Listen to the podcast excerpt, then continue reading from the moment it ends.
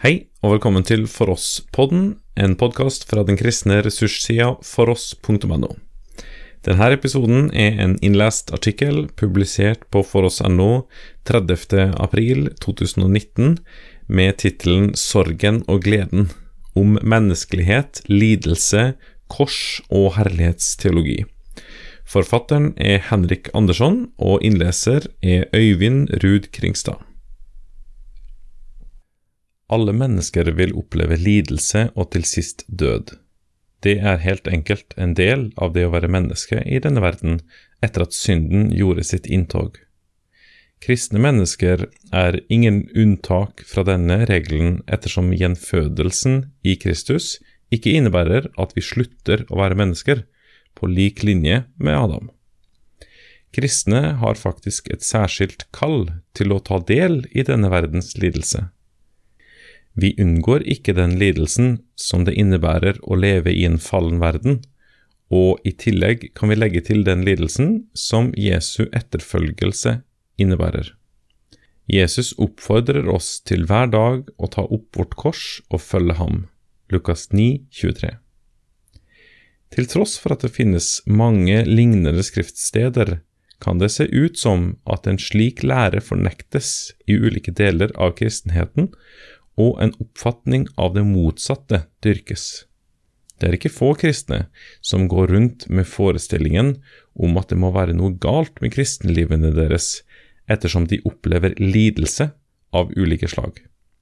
I stedet for å bli møtt med trøst i lidelsen og bedrøvelser i det kristne fellesskapet, kan de bære på skyldfølelse over at livene deres ikke riktig fungerer slik som de har fått høre at de burde.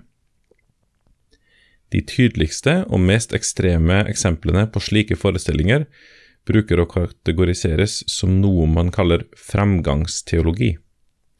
De stjernene som lyser sterkest på denne teologiens himmel, er amerikanske pastorer i forskjellige megakirker. Vi kan særskilt nevne kjendispastorer som Joel Osteen og Joyce Mayer. Rett som det er, handler forkynnelsen til disse om at Guds velvilje og velsignelse viser seg ved framgangsrike liv. Først og fremst handler det om økonomisk velstand, men også fysisk fremgang og følelsesmessig balanse. Om disse tingene ikke er til stede i den kristens liv, er det noe som er feil med vedkommende, hevdes det. En halv sannhet er ofte en hel løgn. Det er et virkelig problem med slike oppfatninger at de delvis kan være sanne, noe som gjør løgnen så mye mer problematisk. I Skriften, særlig i Det gamle testamentet, kan man ofte støte på uttalelser som eksplisitt uttrykker at forbannelser kommer av synd, og at velsignelser er en lønn for rettferdighet. Det er framgang for de gode og vanskeligheter for de onde. Det er utvilsomt sånn at Gud av og til gir sine barn både rikdom og fysisk så vel som mental helse i overflod, men like sant er det at han kan la de rettferdige møte store vanskeligheter. Jobb er kanskje det tydeligste eksempelet på dette. Spørsmålet handler til syvende og sist ikke om hvorvidt Gud kan gi jordiske velsignelser til kristne mennesker, men om han alltid gjør det. Er framgang og rikdom den selvfølgelige konsekvens av å være et sant Guds barn, eller kan til og med et Guds barn utsettes for prøvelser og opplevelser både fysisk og psykisk lidelse. Det er egentlig tilstrekkelig å se på Jesus og hans apostler for å konstatere at livet med Gud ikke er en dans på roser. Jesus og apostlenes egne skjebner, samt den undervisning de sto for, viser tydelig at det ikke finnes noen garanti for trygghet og sikkerhet for en kristen. Faktum er at det til og med er mer sannsynlig at man som kristen kommer til å oppleve lidelse og forfølgelse ifølge Skriften. Lidelsen er en naturlig konsekvens av å følge ham som gikk korsets vei for å vise oss hva sann kjærlighet er. Den eneste garantien man har som kristen, er at Gud elsker sine barn, og at han aldri vil forlate sine. Alltid glad. Det finnes en mildere, men like åndelig usunn oppfatning som kan bli funnet i kristne sammenhenger, som man nok ikke vil kategorisere som framgangsteologiske. Det uttrykker seg i form av en oppfatning om at det kristne livet antas eller forventes å være et liv i overflod av glede på grunn av delaktigheten gjennom tro i Kristi seier. Hvem skulle vel ikke vært jublende glad for denne evige sannhet til enhver tid?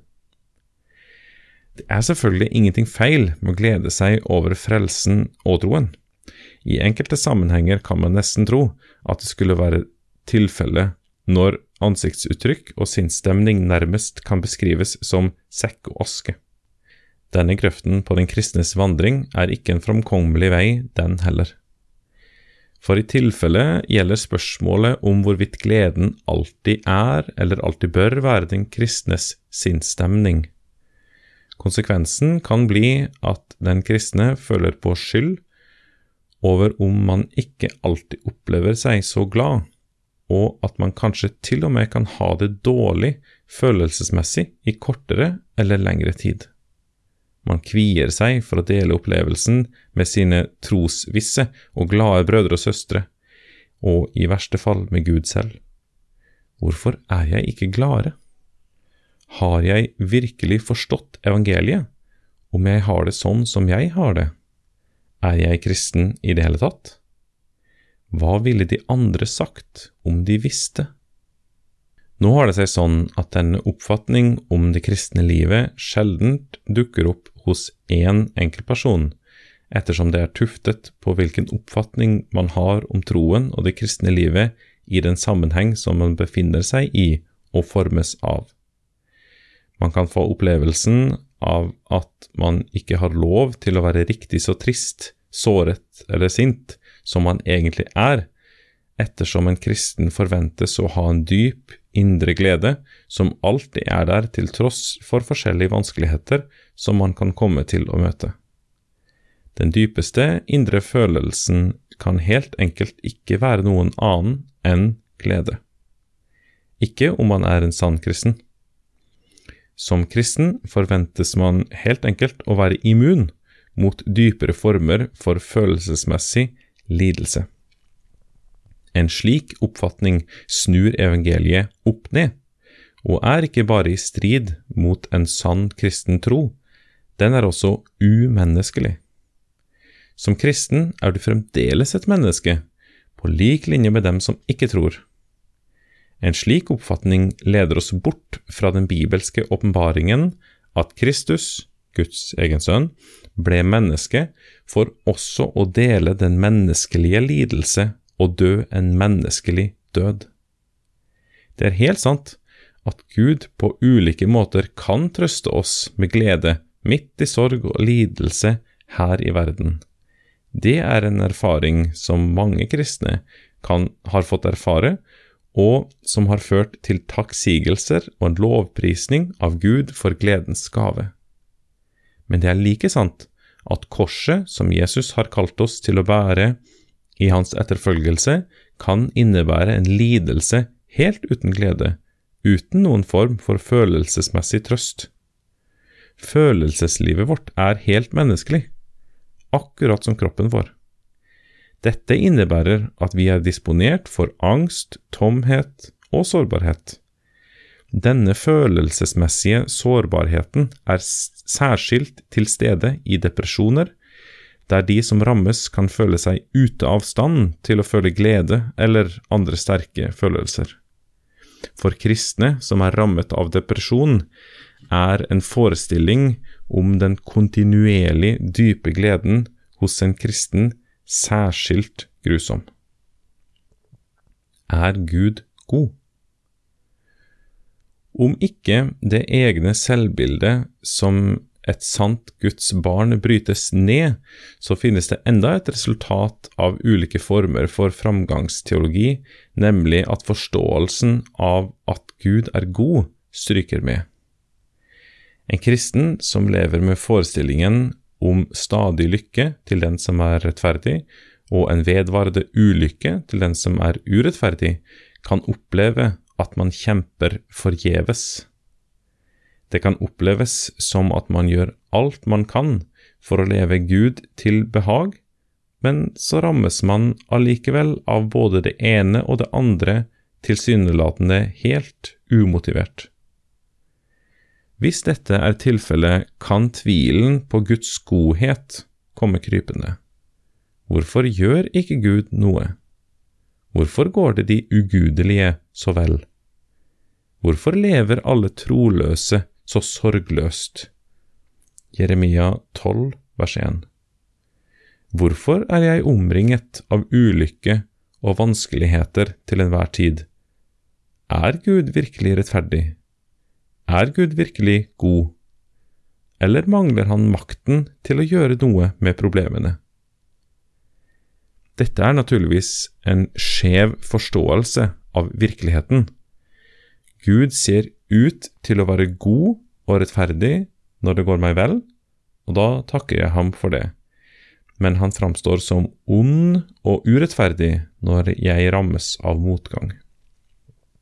En slik reaksjon kan ha sin bakgrunn i menneskets tendens til å ville se sammenheng mellom sine handlinger og positive utfall snarere enn negative, og tar heller ansvar for forventede utfall enn uventede.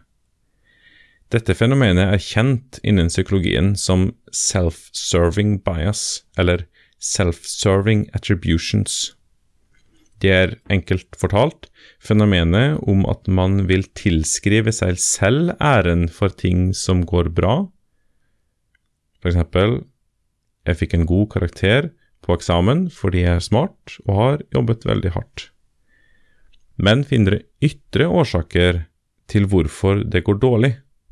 Eksempel, sensoren var altfor streng i bedømmingen sin, og det var noe som eh, forstyrret meg hele tiden.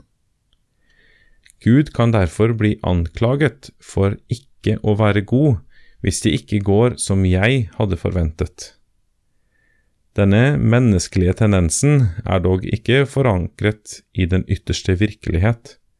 Du kjenner kanskje til den gamle salmen Herregud, ditt dyre navn og ære. Der synger vi Gud er Gud om alle land lå øde. Gud er Gud, om alle mann var døde.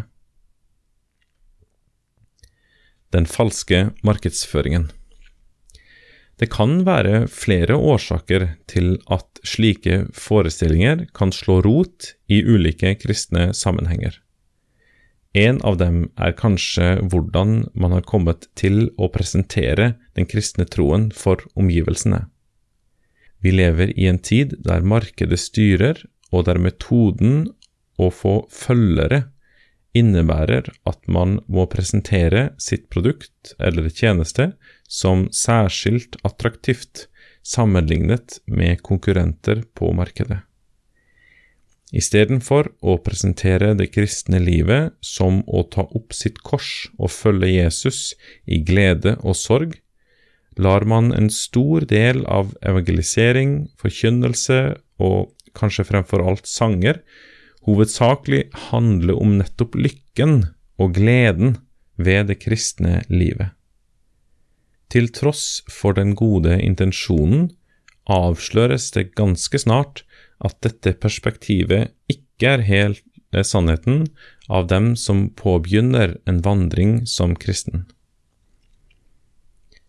Erik Schult er en svensk forfatter kulturjournalist og programleder i radio, som flere ganger har avslørt at han er på åndelig søken. Han uttrykker seg personlig i en radiopodkast om Bibelen og kristen tro slik. Bibelen handler kanskje om noe helt annet enn det de fleste mennesker tror. Det er helt enkelt at pilegrimens ferd også går gjennom mørket. Det er ikke, som en viss type predikanter sier, at du møter lyset, du blir frelst, og siden er det over, ferdig og fremme. Jeg tror at den større beretningen handler om en reise med mange flere fasetter. Når man trer inn i denne tankebane, er det som om noe åpner seg, men livet blir faktisk også mye vanskeligere, det blir ikke lettere. På en måte blir det mer begripelig, men det blir ikke lettere. Det er det som skjuler seg bak det første inntrykket, bak bildene av sjablonger som føres videre av mange innenfor bevegelsen, at man skulle havne der oppe blant skyene umiddelbart. Skylt har ikke kjøpt bildet av den kristne livet som utelukket fylt av glede, men konstaterer at både Bibelen og kirkens liturgi vitner om at det kristne livet er en kamp der man av og til går gjennom mørket. Han har helt rett. Uten å selv vite det, har han opplevd og beskrevet en sentral del av den lutherske teologien på sin egen måte, det som bruker å kalles korsets teologi. Korsets teologi. Uttrykket korsets teologi er hentet fra Martin Luther i disputasen hans i Heidelberg i 1518, før reformasjonen hadde brutt ut på alvor. Han stilte opp korsets teologi, i motsetning til hva han kalte herlighetsteologi i tese 21. Herlighetsteologi kaller det onde godt og det gode ondt. Korsets teologi kaller ting for det de virkelig er.